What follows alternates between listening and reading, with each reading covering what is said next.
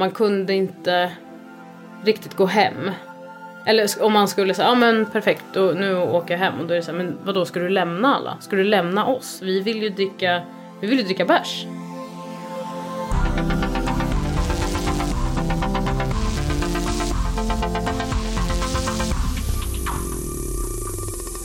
Du lyssnar på Fyllepodden från IQ med mig, Musse Hasselvall.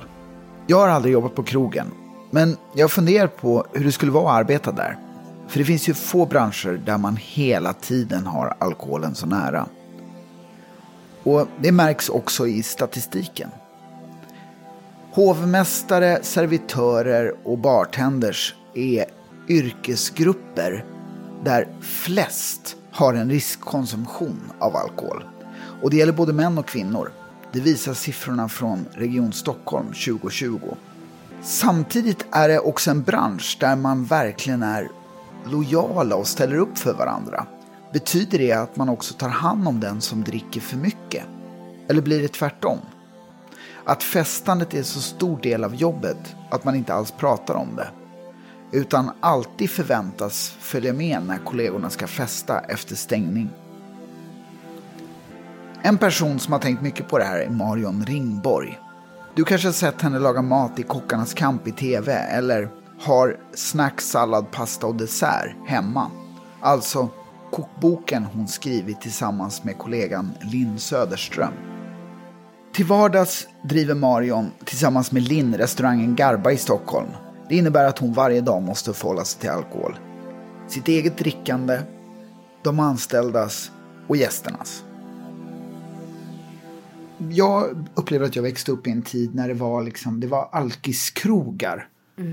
Det var liksom en ganska tydlig skillnad. De här senaste fem, kanske tio åren som känns som att det blivit en större tolerans för liksom ett större alkoholintag, alltså, alltså mer drickande, mm. upplever jag. Mm. Alltså, alltså, så här ser det ut nämligen i att mer än varannan yrkesverksam, då pratar vi hela landet, mm. har någon minst en kollega alkoholproblem. Mm. Och det här är från SIFO 2019. Eh, men, men då pratar vi ju liksom i branschen. Mm. Men att folk också blir fullare liksom. Mm. Du vet så här på restaurang, då pratar jag inte på krogen. För då, då, är, då är det vad det är liksom. Hur känner du det i dina, vad blir det, 12 år i branschen? Ja. Jag vet inte, jag funderar, jag, jag satt precis och funderade på vart har jag lärt mig att dricka alkohol? Alltså var kommer det ifrån? Min krets eller från när man liksom började dricka alkohol, liksom ens, ja men vänner. Alltså jag, jag är uppväxt i ett område där det finns mycket pubbar och många, mycket alkoholproblem och många som spelar i de här automaterna och så. Eh, och när man var liksom minderårig så var det att man så här, man skulle följa med sin kompis i den här krogen för hon skulle hämta upp 20 kronor.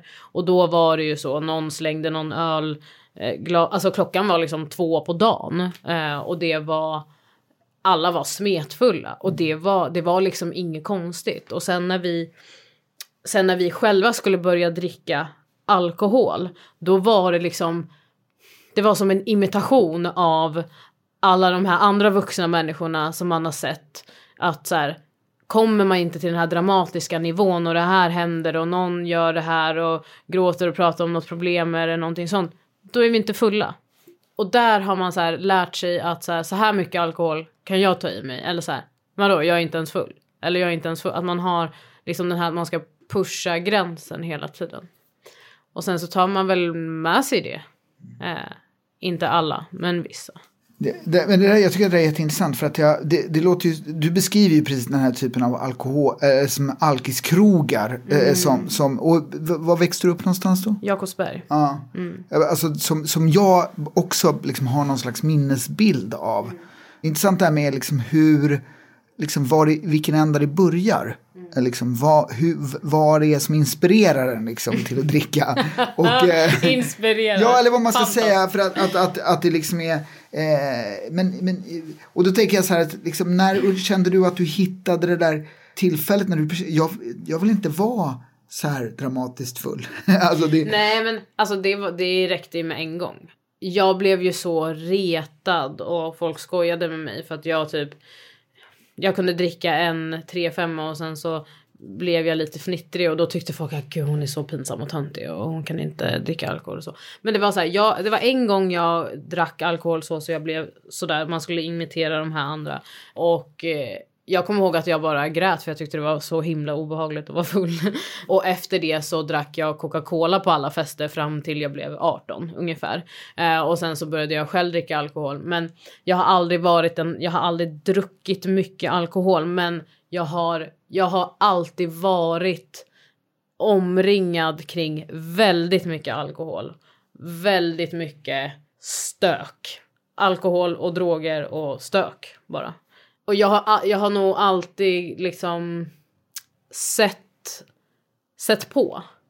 Så det är därför jag tror också att jag har möjlighet att reflektera kring vad, vad hände och hur, hur lärde man sig göra, göra så. Om jag hade tyckt att det var gott med alkohol, då hade jag gjort som dem. För tro mig, jag önskar att jag gjorde det just då. För det var inte kul att vara den personen som, som var tråkig eller inte, inte kunde dricka en öl eller något sånt. Det var ju bara pinsamt för att det var, folk tyckte att det var så himla kul att liksom ta upp ta upp den grejen och skämta om den. Men idag är jag ju ja, men väldigt tacksam eh, för det. Och det kan man ju tycka ja, men är sorgligt då när man är så ung och bara hade kunnat gjort något annat som var roligt istället för att tänka så här jaha, det här är den enda hobby man kan göra är att så här, sno alkohol från föräldrarna och kröka. Fast jag är pissdålig på det. Så kan man, kan man bara hitta något annat ja, istället. Ja, liksom. Du fick skäll för, för, alkohol som, som du snodde men som du inte drack upp. Ja. Fullkomligt poänglöst. Ja.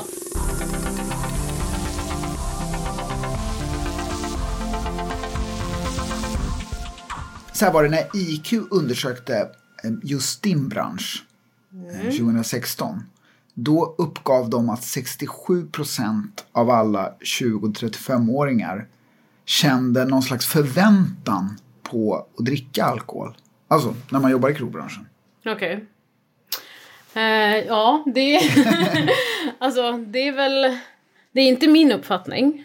Men jag kan tänka mig, alltså är det en undersökning så har de väl fått det svaret. Mm. Jag tror väl absolut att det kan vara så. Alltså jag tror att det är så i många branscher också. Jag tror att det kanske är tydligare här för att vi har en annan tillgång till det. Mm. Eh, det är väldigt tillgängligt. Och man är redan på krogen när man stämplar ut.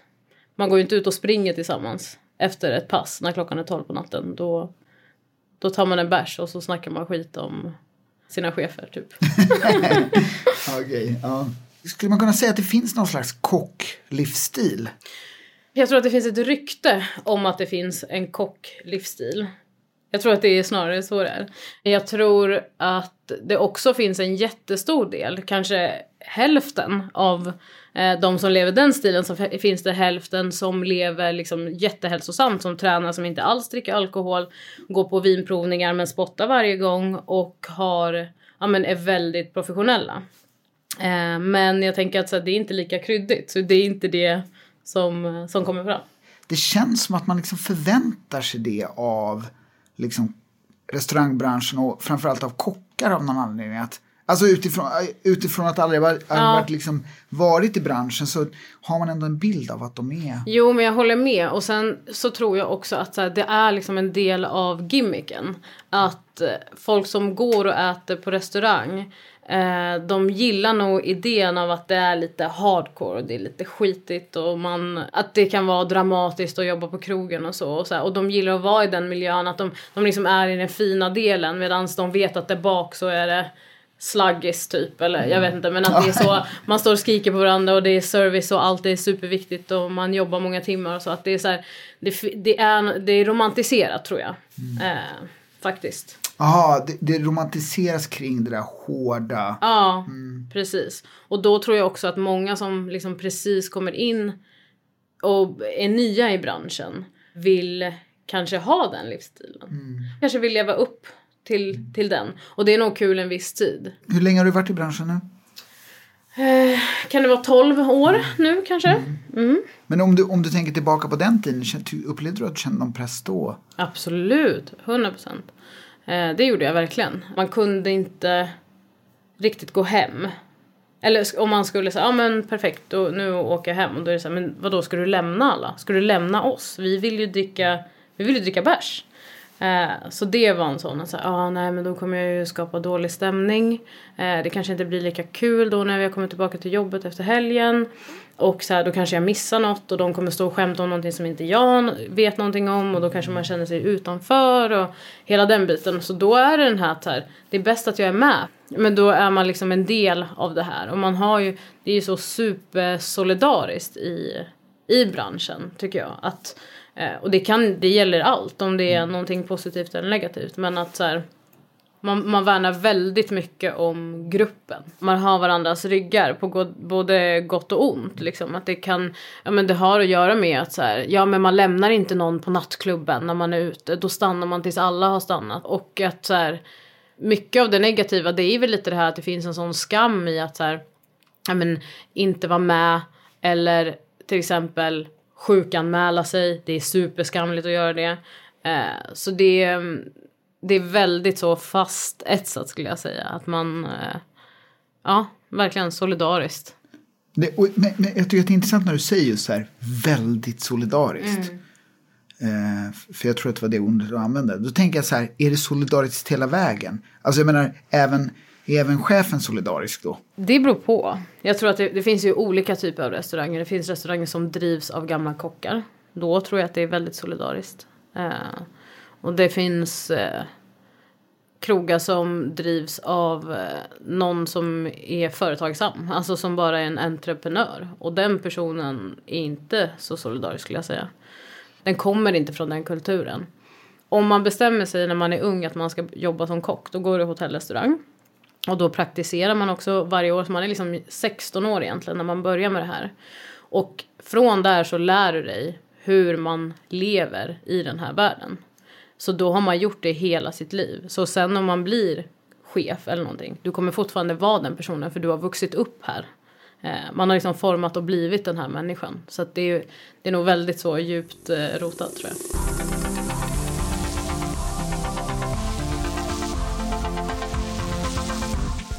Men nu är ju du chef själv kan man säga. Du driver din egen restaurang. Det stämmer. Vilken sort är du då? Är du den där entreprenören, den där egoistiska som bara sitt kvar och drick. Era as. Nej men både jag och min kollega Linn har varit väldigt måna om, om det här. Vi har båda haft liksom gamla kollegor och eh, vänner som har jobbat inom branschen som det inte alls har gått bra för. Och när det gick från att vi typ lagade mat från bilen till att vi har en faktisk restaurang så satte vi oss ner och eh, bestämde oss för vilka vi vill vara. Vad eh, har vi ett ansvar för våran personal?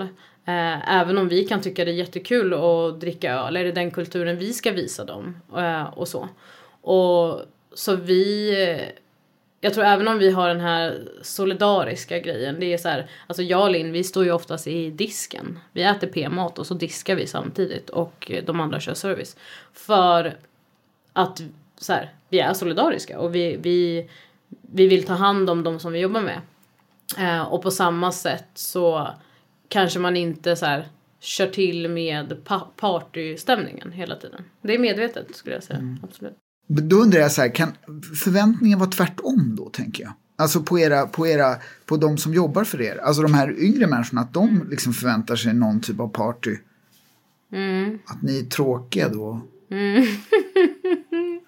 men alltså det, det, ja men du har fan rätt. För att jag tror faktiskt att det kan vara lite så. Inte så att de tycker att vi är jättetråkiga men snarare att de, de kanske hänger de bara äh, skit i de här två tråkiga jävlarna. Nu drar vi och dricker bärs. Och så gör de det. Men eftersom att det inte, vi har inte dragit igång det här. De, för att det blir ju ofta så. Är det chefer som drar igång det då är man ju någonstans på jobbet. Du kommer ju fortfarande lyssna på din chef omedvetet om du inte vill. Så jag tror att det, det blir nog lite mildare när de själva går ut och dricker bärs. Då äter de en pizza och så dricker de bärs och så är det jättetrevligt och så går man hem och lägger sig. Mm. Um, men när det är som en personalfest till exempel, då har man väl oftast att så här, ja men då har vi eh, bokat ett bord på den här drinkbord på den här klubben och sen så ska man göra det här och det här och det det är för många timmar där man har möjlighet att dricka alkohol och då, då tror jag att det, det kan gå lite för långt. Det var en sak du sa där också att många kollegor som det har gått illa för. Mm. I, vad, vad syftar du på då? Nej men jag syftar på att när man är ung och ny i branschen så är det väldigt kul. Du är så ung. Man bor ju nästan fortfarande hemma då. Men du får liksom, du har ansvar. Så mycket ansvar på jobbet. Och eh, man, har, man blir insläppt på ställen och någon som någon bartender man känner bjuder en på en öl och lite så. Det blir, det, livet är en jävla fest liksom. Mm. Och för vissa så fortsätter det fram till man är 25 eller 30 och så. Och eh, då är det inte så kul längre. Um, och det är väl det, det, det går från att man kanske är en superlovande kock eller servitör eller vinmänniska eller någonting sånt till att så här, det går inte att få något jobb någonstans för man har bränt alla broar och man, nu dricker man inte öl när man har stämplat ut utan nu dricker man samtidigt som man lagar mat på jobbet. Tyvärr så har det hänt ganska många. Det känns som att man måste vara otroligt medveten om man ska klara av det här och inte bara glida in ja, i det. Jag tror, att, jag tror att det är en typ Nej, fan det här låter fördomsfullt.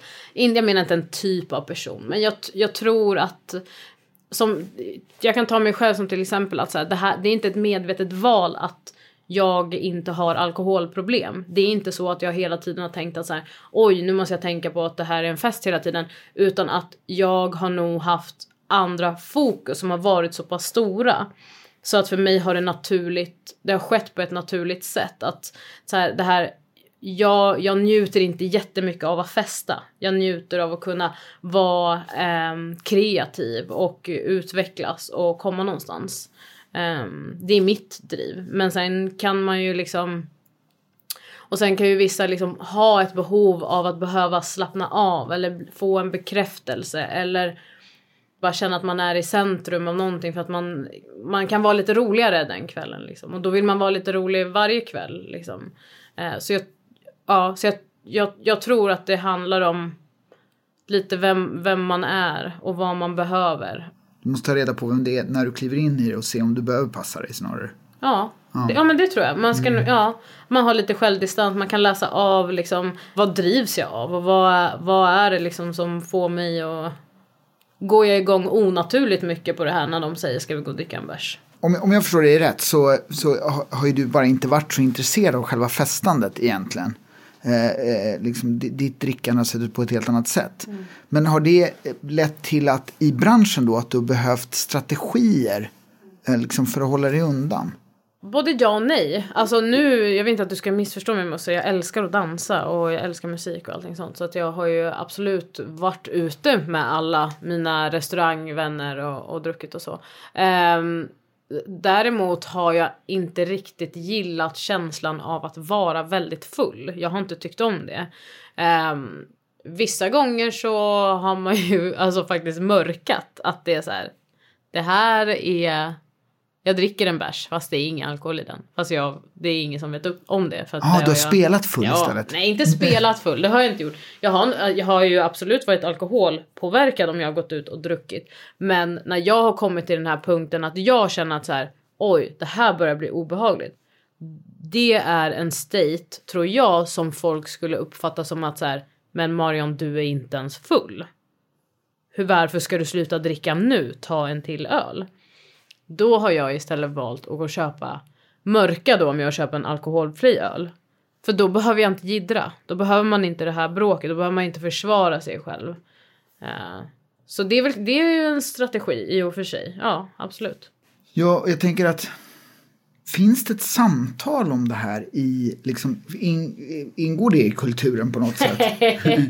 har, du, har, du, har du kollat upp dina alkoholvanor på sistone? Nej, nej. nej, alltså det, det är så jävla sorgligt. Alltså man blir verkligen jätteledsen. Alltså att så här, du ställer frågan och jag säger nej, det finns inte. Och att jag skrattar som att, för det är, det är ironiskt men det är också jättehemskt. För att de flesta går en kurs de, där man lär sig hantera alkohol på jobbet mot en gäst. Det är det man lär sig. Hur, eh, hur, lär, hur läser man av en gäst som är full eller som man tycker har druckit för mycket eller någonting så. Men där stannar det. Det är inte längre än så. Det är, andra, det är andras Det är den, problem. an, det är den andra, precis. Så kan man säga att den här solidariteten då ibland kanske är lite farlig? Ja, 100 procent. Alltså eh, den som du pratade om i början där. Mm. Och det, det var lite det jag menade nästan. Alltså att det, är så här, det låter ju jättefint att vara solidarisk. Eh, men att bara om du har en egenskap och det är att vara solidarisk. Det är inte alltid bra. Nej, men jag tänker att en annan fördom så där kanske man har om eh, liksom, eh, branschen och i, i, kockyrket liksom är att så här, folk är så här väldigt ärliga. Eller rakt på sak. Alltså du vet så här, det här är skit, det där, du, du gör inte rätt. Alltså förstår du? Det, är inte- Ja. det lindas inte in saker. Och då, då tänker jag så här, eh, det vore kanske en sak om det gällde alkohol också. Men är det mycket så att det är väldigt så här, Det är mycket, rätt på sak? Ja men så är det absolut. Men det är ju alltså så här om om man ska beskriva liksom restaurangbranschen som en person. Det är en så här väldigt självsäker ung snubbe som egentligen inte vet så mycket. Det, det är det, det är restaurangbranschen. Killgissarens, Japp. eh, alltså det var där killgissningen... Killgissarens moder. Ja. Där. Där har vi det. Där Ja. sätter jag punkt för vad restaurangbranschen är. Nej. Men eh, väldigt lite att man pratar om känslor och hur man faktiskt mår. Man tycker inte att det är en viktig grej att ta tag i. Det man tar tag i det är det som syns och finns och är här nu. Som, och det är därför det är väldigt raka puckar. Att man ska höra vad den personen säger, ta in den, ja eller nej och sen är man klar. Liksom. Eh, och då är det ju mycket med det här att man står på jobbet och man kan prata högljutt eller s- halvskrika på någon. Men två sekunder senare så, är så här, står man och skojbråkar och jättekul och sen så går man, går man ut och dansar.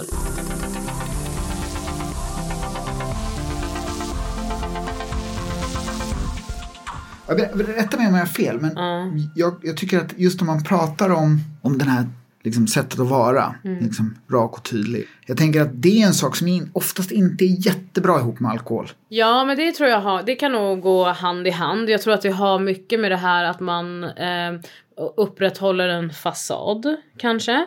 Eh, och att man, eh, man, man döljer sånt som är lite dåligt och lite skavanker och så. Och det kan man ju kolla på hur det ser ut om du liksom är i ehm, om du är på en fin restaurang så är det superfint i matsalen då du sitter på flådiga stolar och du kanske äter med silverbestick och eh, någon serverar dig från vänster sida om det är det man gör. Jag kan inte ens själv sådana där grejer. Men då Um, då upprätthåller man en fasad som inte är ens egen. Du följer de här reglerna av vad, vad det är man ska ge till den här personen. Men sen när du går bak och lämnar disken då kanske du slänger besticken och du svär och säger väldigt grova ord och sånt. Och sen så går man ut igen och så håller man upp den här fasaden. Så att det, den har man ju också. Man lär sig det. Man lär sig att stänga av och man lär sig att vara på och lite så. Och det funkar nog också med, med alkoholen också. Att det blir lite det här. Man döljer och allt blir, allt är fest istället för att man, ja. Det där tycker jag också är intressant för att jag upplever ibland att serviceavdelningen, kanske framförallt servitriser, att de ibland är gisslan i den där, i service. Förstår vad jag menar? För att man gisslan i service på det sättet att, att folk kan liksom behandla dem lite hur som helst. Alltså så här, Tyvärr. för det är en sak som är fruktansvärt pinsam när någon vid bordet ska typ kan man få notan och ditt Nej, men telefonnummer? alltså, det är det värsta jag alltså, vet. vet du vad jag menar? Och det är liksom som att så här, inte för att de kanske ger bort numret, Ja. att de inte är så mycket gisslan, men det är ändå ett Alltså det är liksom så här, det skulle inte gå på så många andra ställen. Nej men för där i restaurangbranschen, det som krävs då, för låt säga då en, en man som kommer och äter och ska ha, han har lite feeling och han känner sig lite kul och ska säga att den här tjejen är söt eller vill ha något nummer eller någonting sånt. Han har ju genom att boka bord eller sitta och äta på den här restaurangen, betala för det, eh, antagit sig rätten att bete sig hur han vill då, där. Och därför tror jag att det liksom händer mycket, alltså tydligare och mycket mer öppet i restaurang. Eh, och också att så här, fo- folk som jobbar som servitör, För då, du menar just för att de betalar? ja, det jag tror det. Jag tror att det är en grej alltså, på riktigt. Jag tror att, och det, det är inte bara män, alltså det kan vara kvinnor också. Som, alltså, men jag tror att det, är, det är liksom ett ägandeskap och det är en attityd eh, som, som folk köper sig till. Det låter som jag fan hatar alla. Men det är inte sant, det gör jag inte.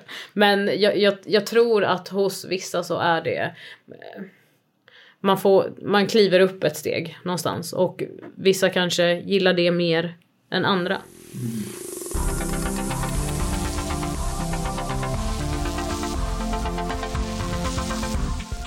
Så här är det att nästan 40 procent av liksom kvinnliga kockar i Stockholmsregionen, för det är här man har mätt det, liksom lever med liksom en riskkonsumtion av alkohol.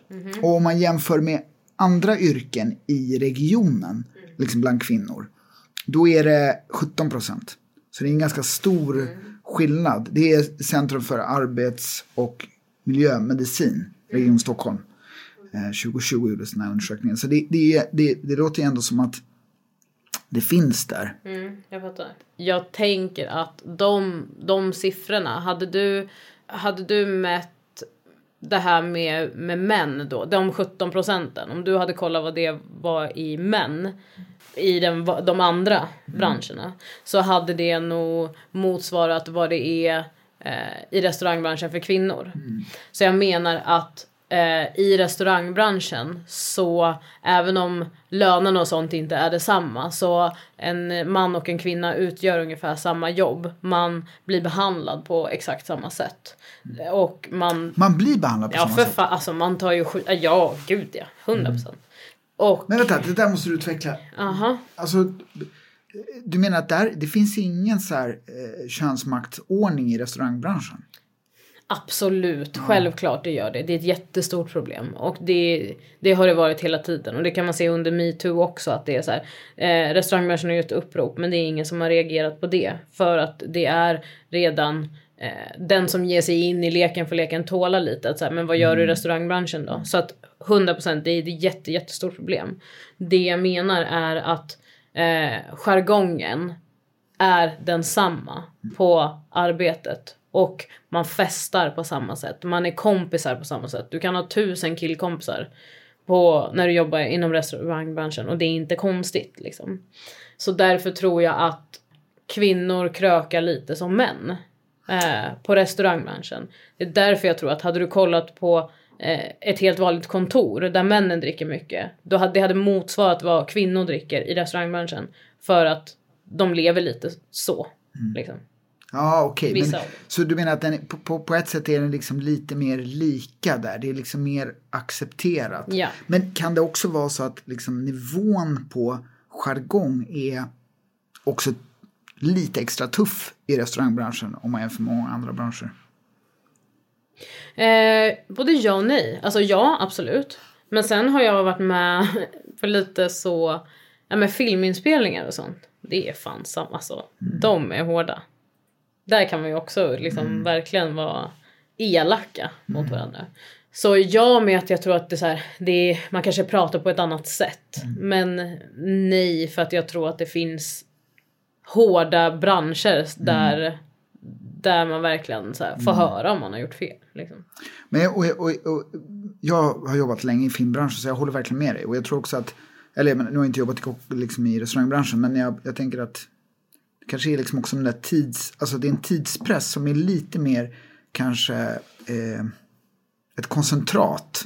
Eh, i- om man jämför med vissa andra platser eller miljöer. Eller jag vet inte men. Jo men det har du rätt i för att det handlar ju om eller hos oss i, i restaurangbranschen så handlar det om ehm, att leverera någonting hela tiden. Eh, och det är under tid hela tiden. Och kan man inte leverera då har du, alltså det, du har ingenting att stå på. Eh, så därför blir det ju vägen till att komma dit. Att den här gästen får den här tallriken framför sig. Det spelar ingen roll hur man kommer dit, man ska, man ska dit. Liksom. Så det är därför jag tror också en del av jargongen inte liksom är så konstig.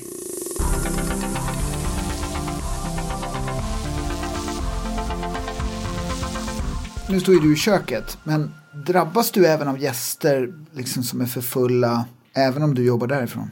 Uh, ja, alltså nu var det väldigt länge sedan det, det skedde. Det senaste som jag liksom har i minne, det är när jag var hos en kompis eh, på en kompis krog. Då det kom in en som var väldigt full som de då skulle neka.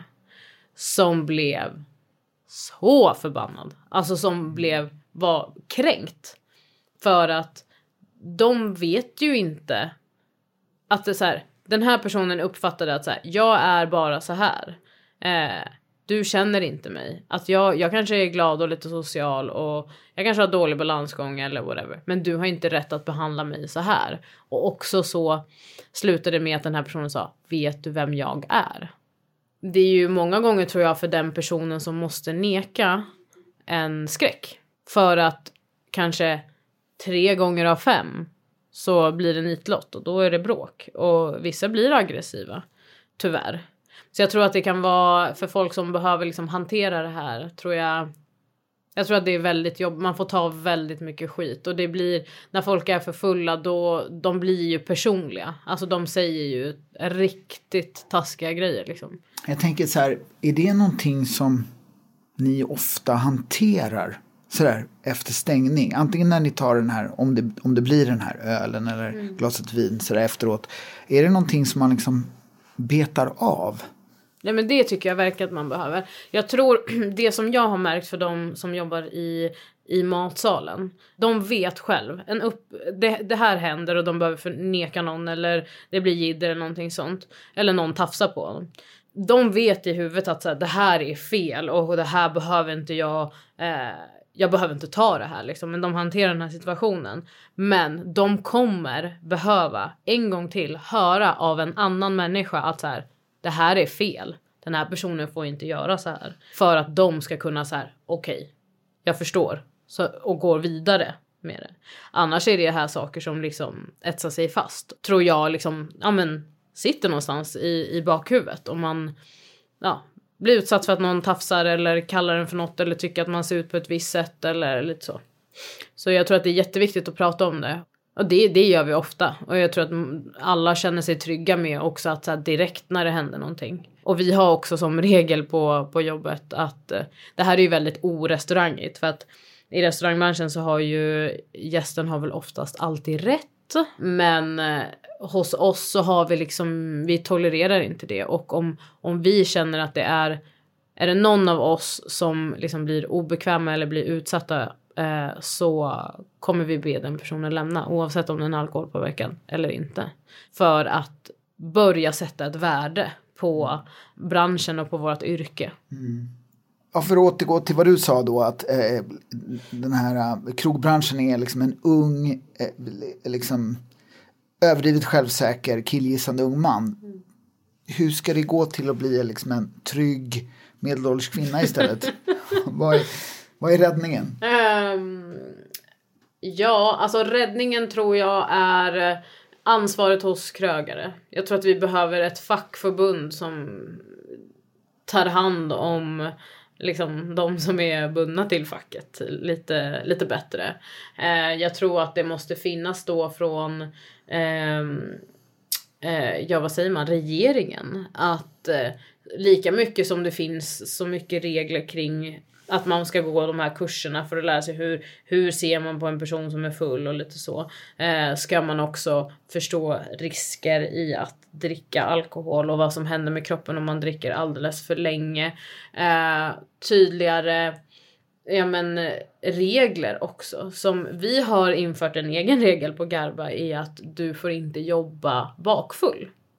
Så om du vet att du ska jobba dagen innan Absolut, man kan dricka ett eller två glas vin men då planerar man det här. Så man får inte komma in och må lite dåligt eller ha extra mycket aptit så man vill gå och göra någon god macka mitt i service eller någonting sånt utan att så här, mm, det ska finnas respekt för sitt yrke. Det ska finnas, man ska veta varför man gör det och vad, vad det är man vill. Varför man är där. Hur, hur reagerar din personal på det här?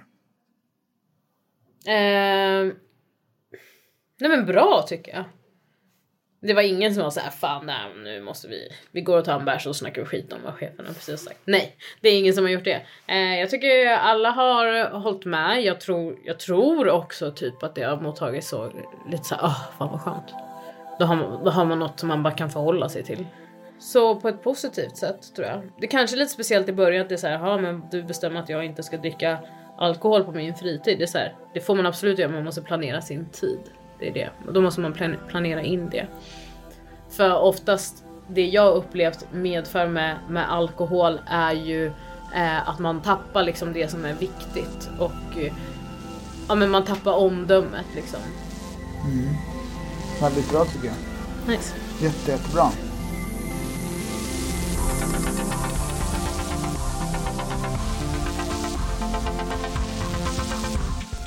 Du har lyssnat på Fyllepodden med mig, Musse Hasselvall.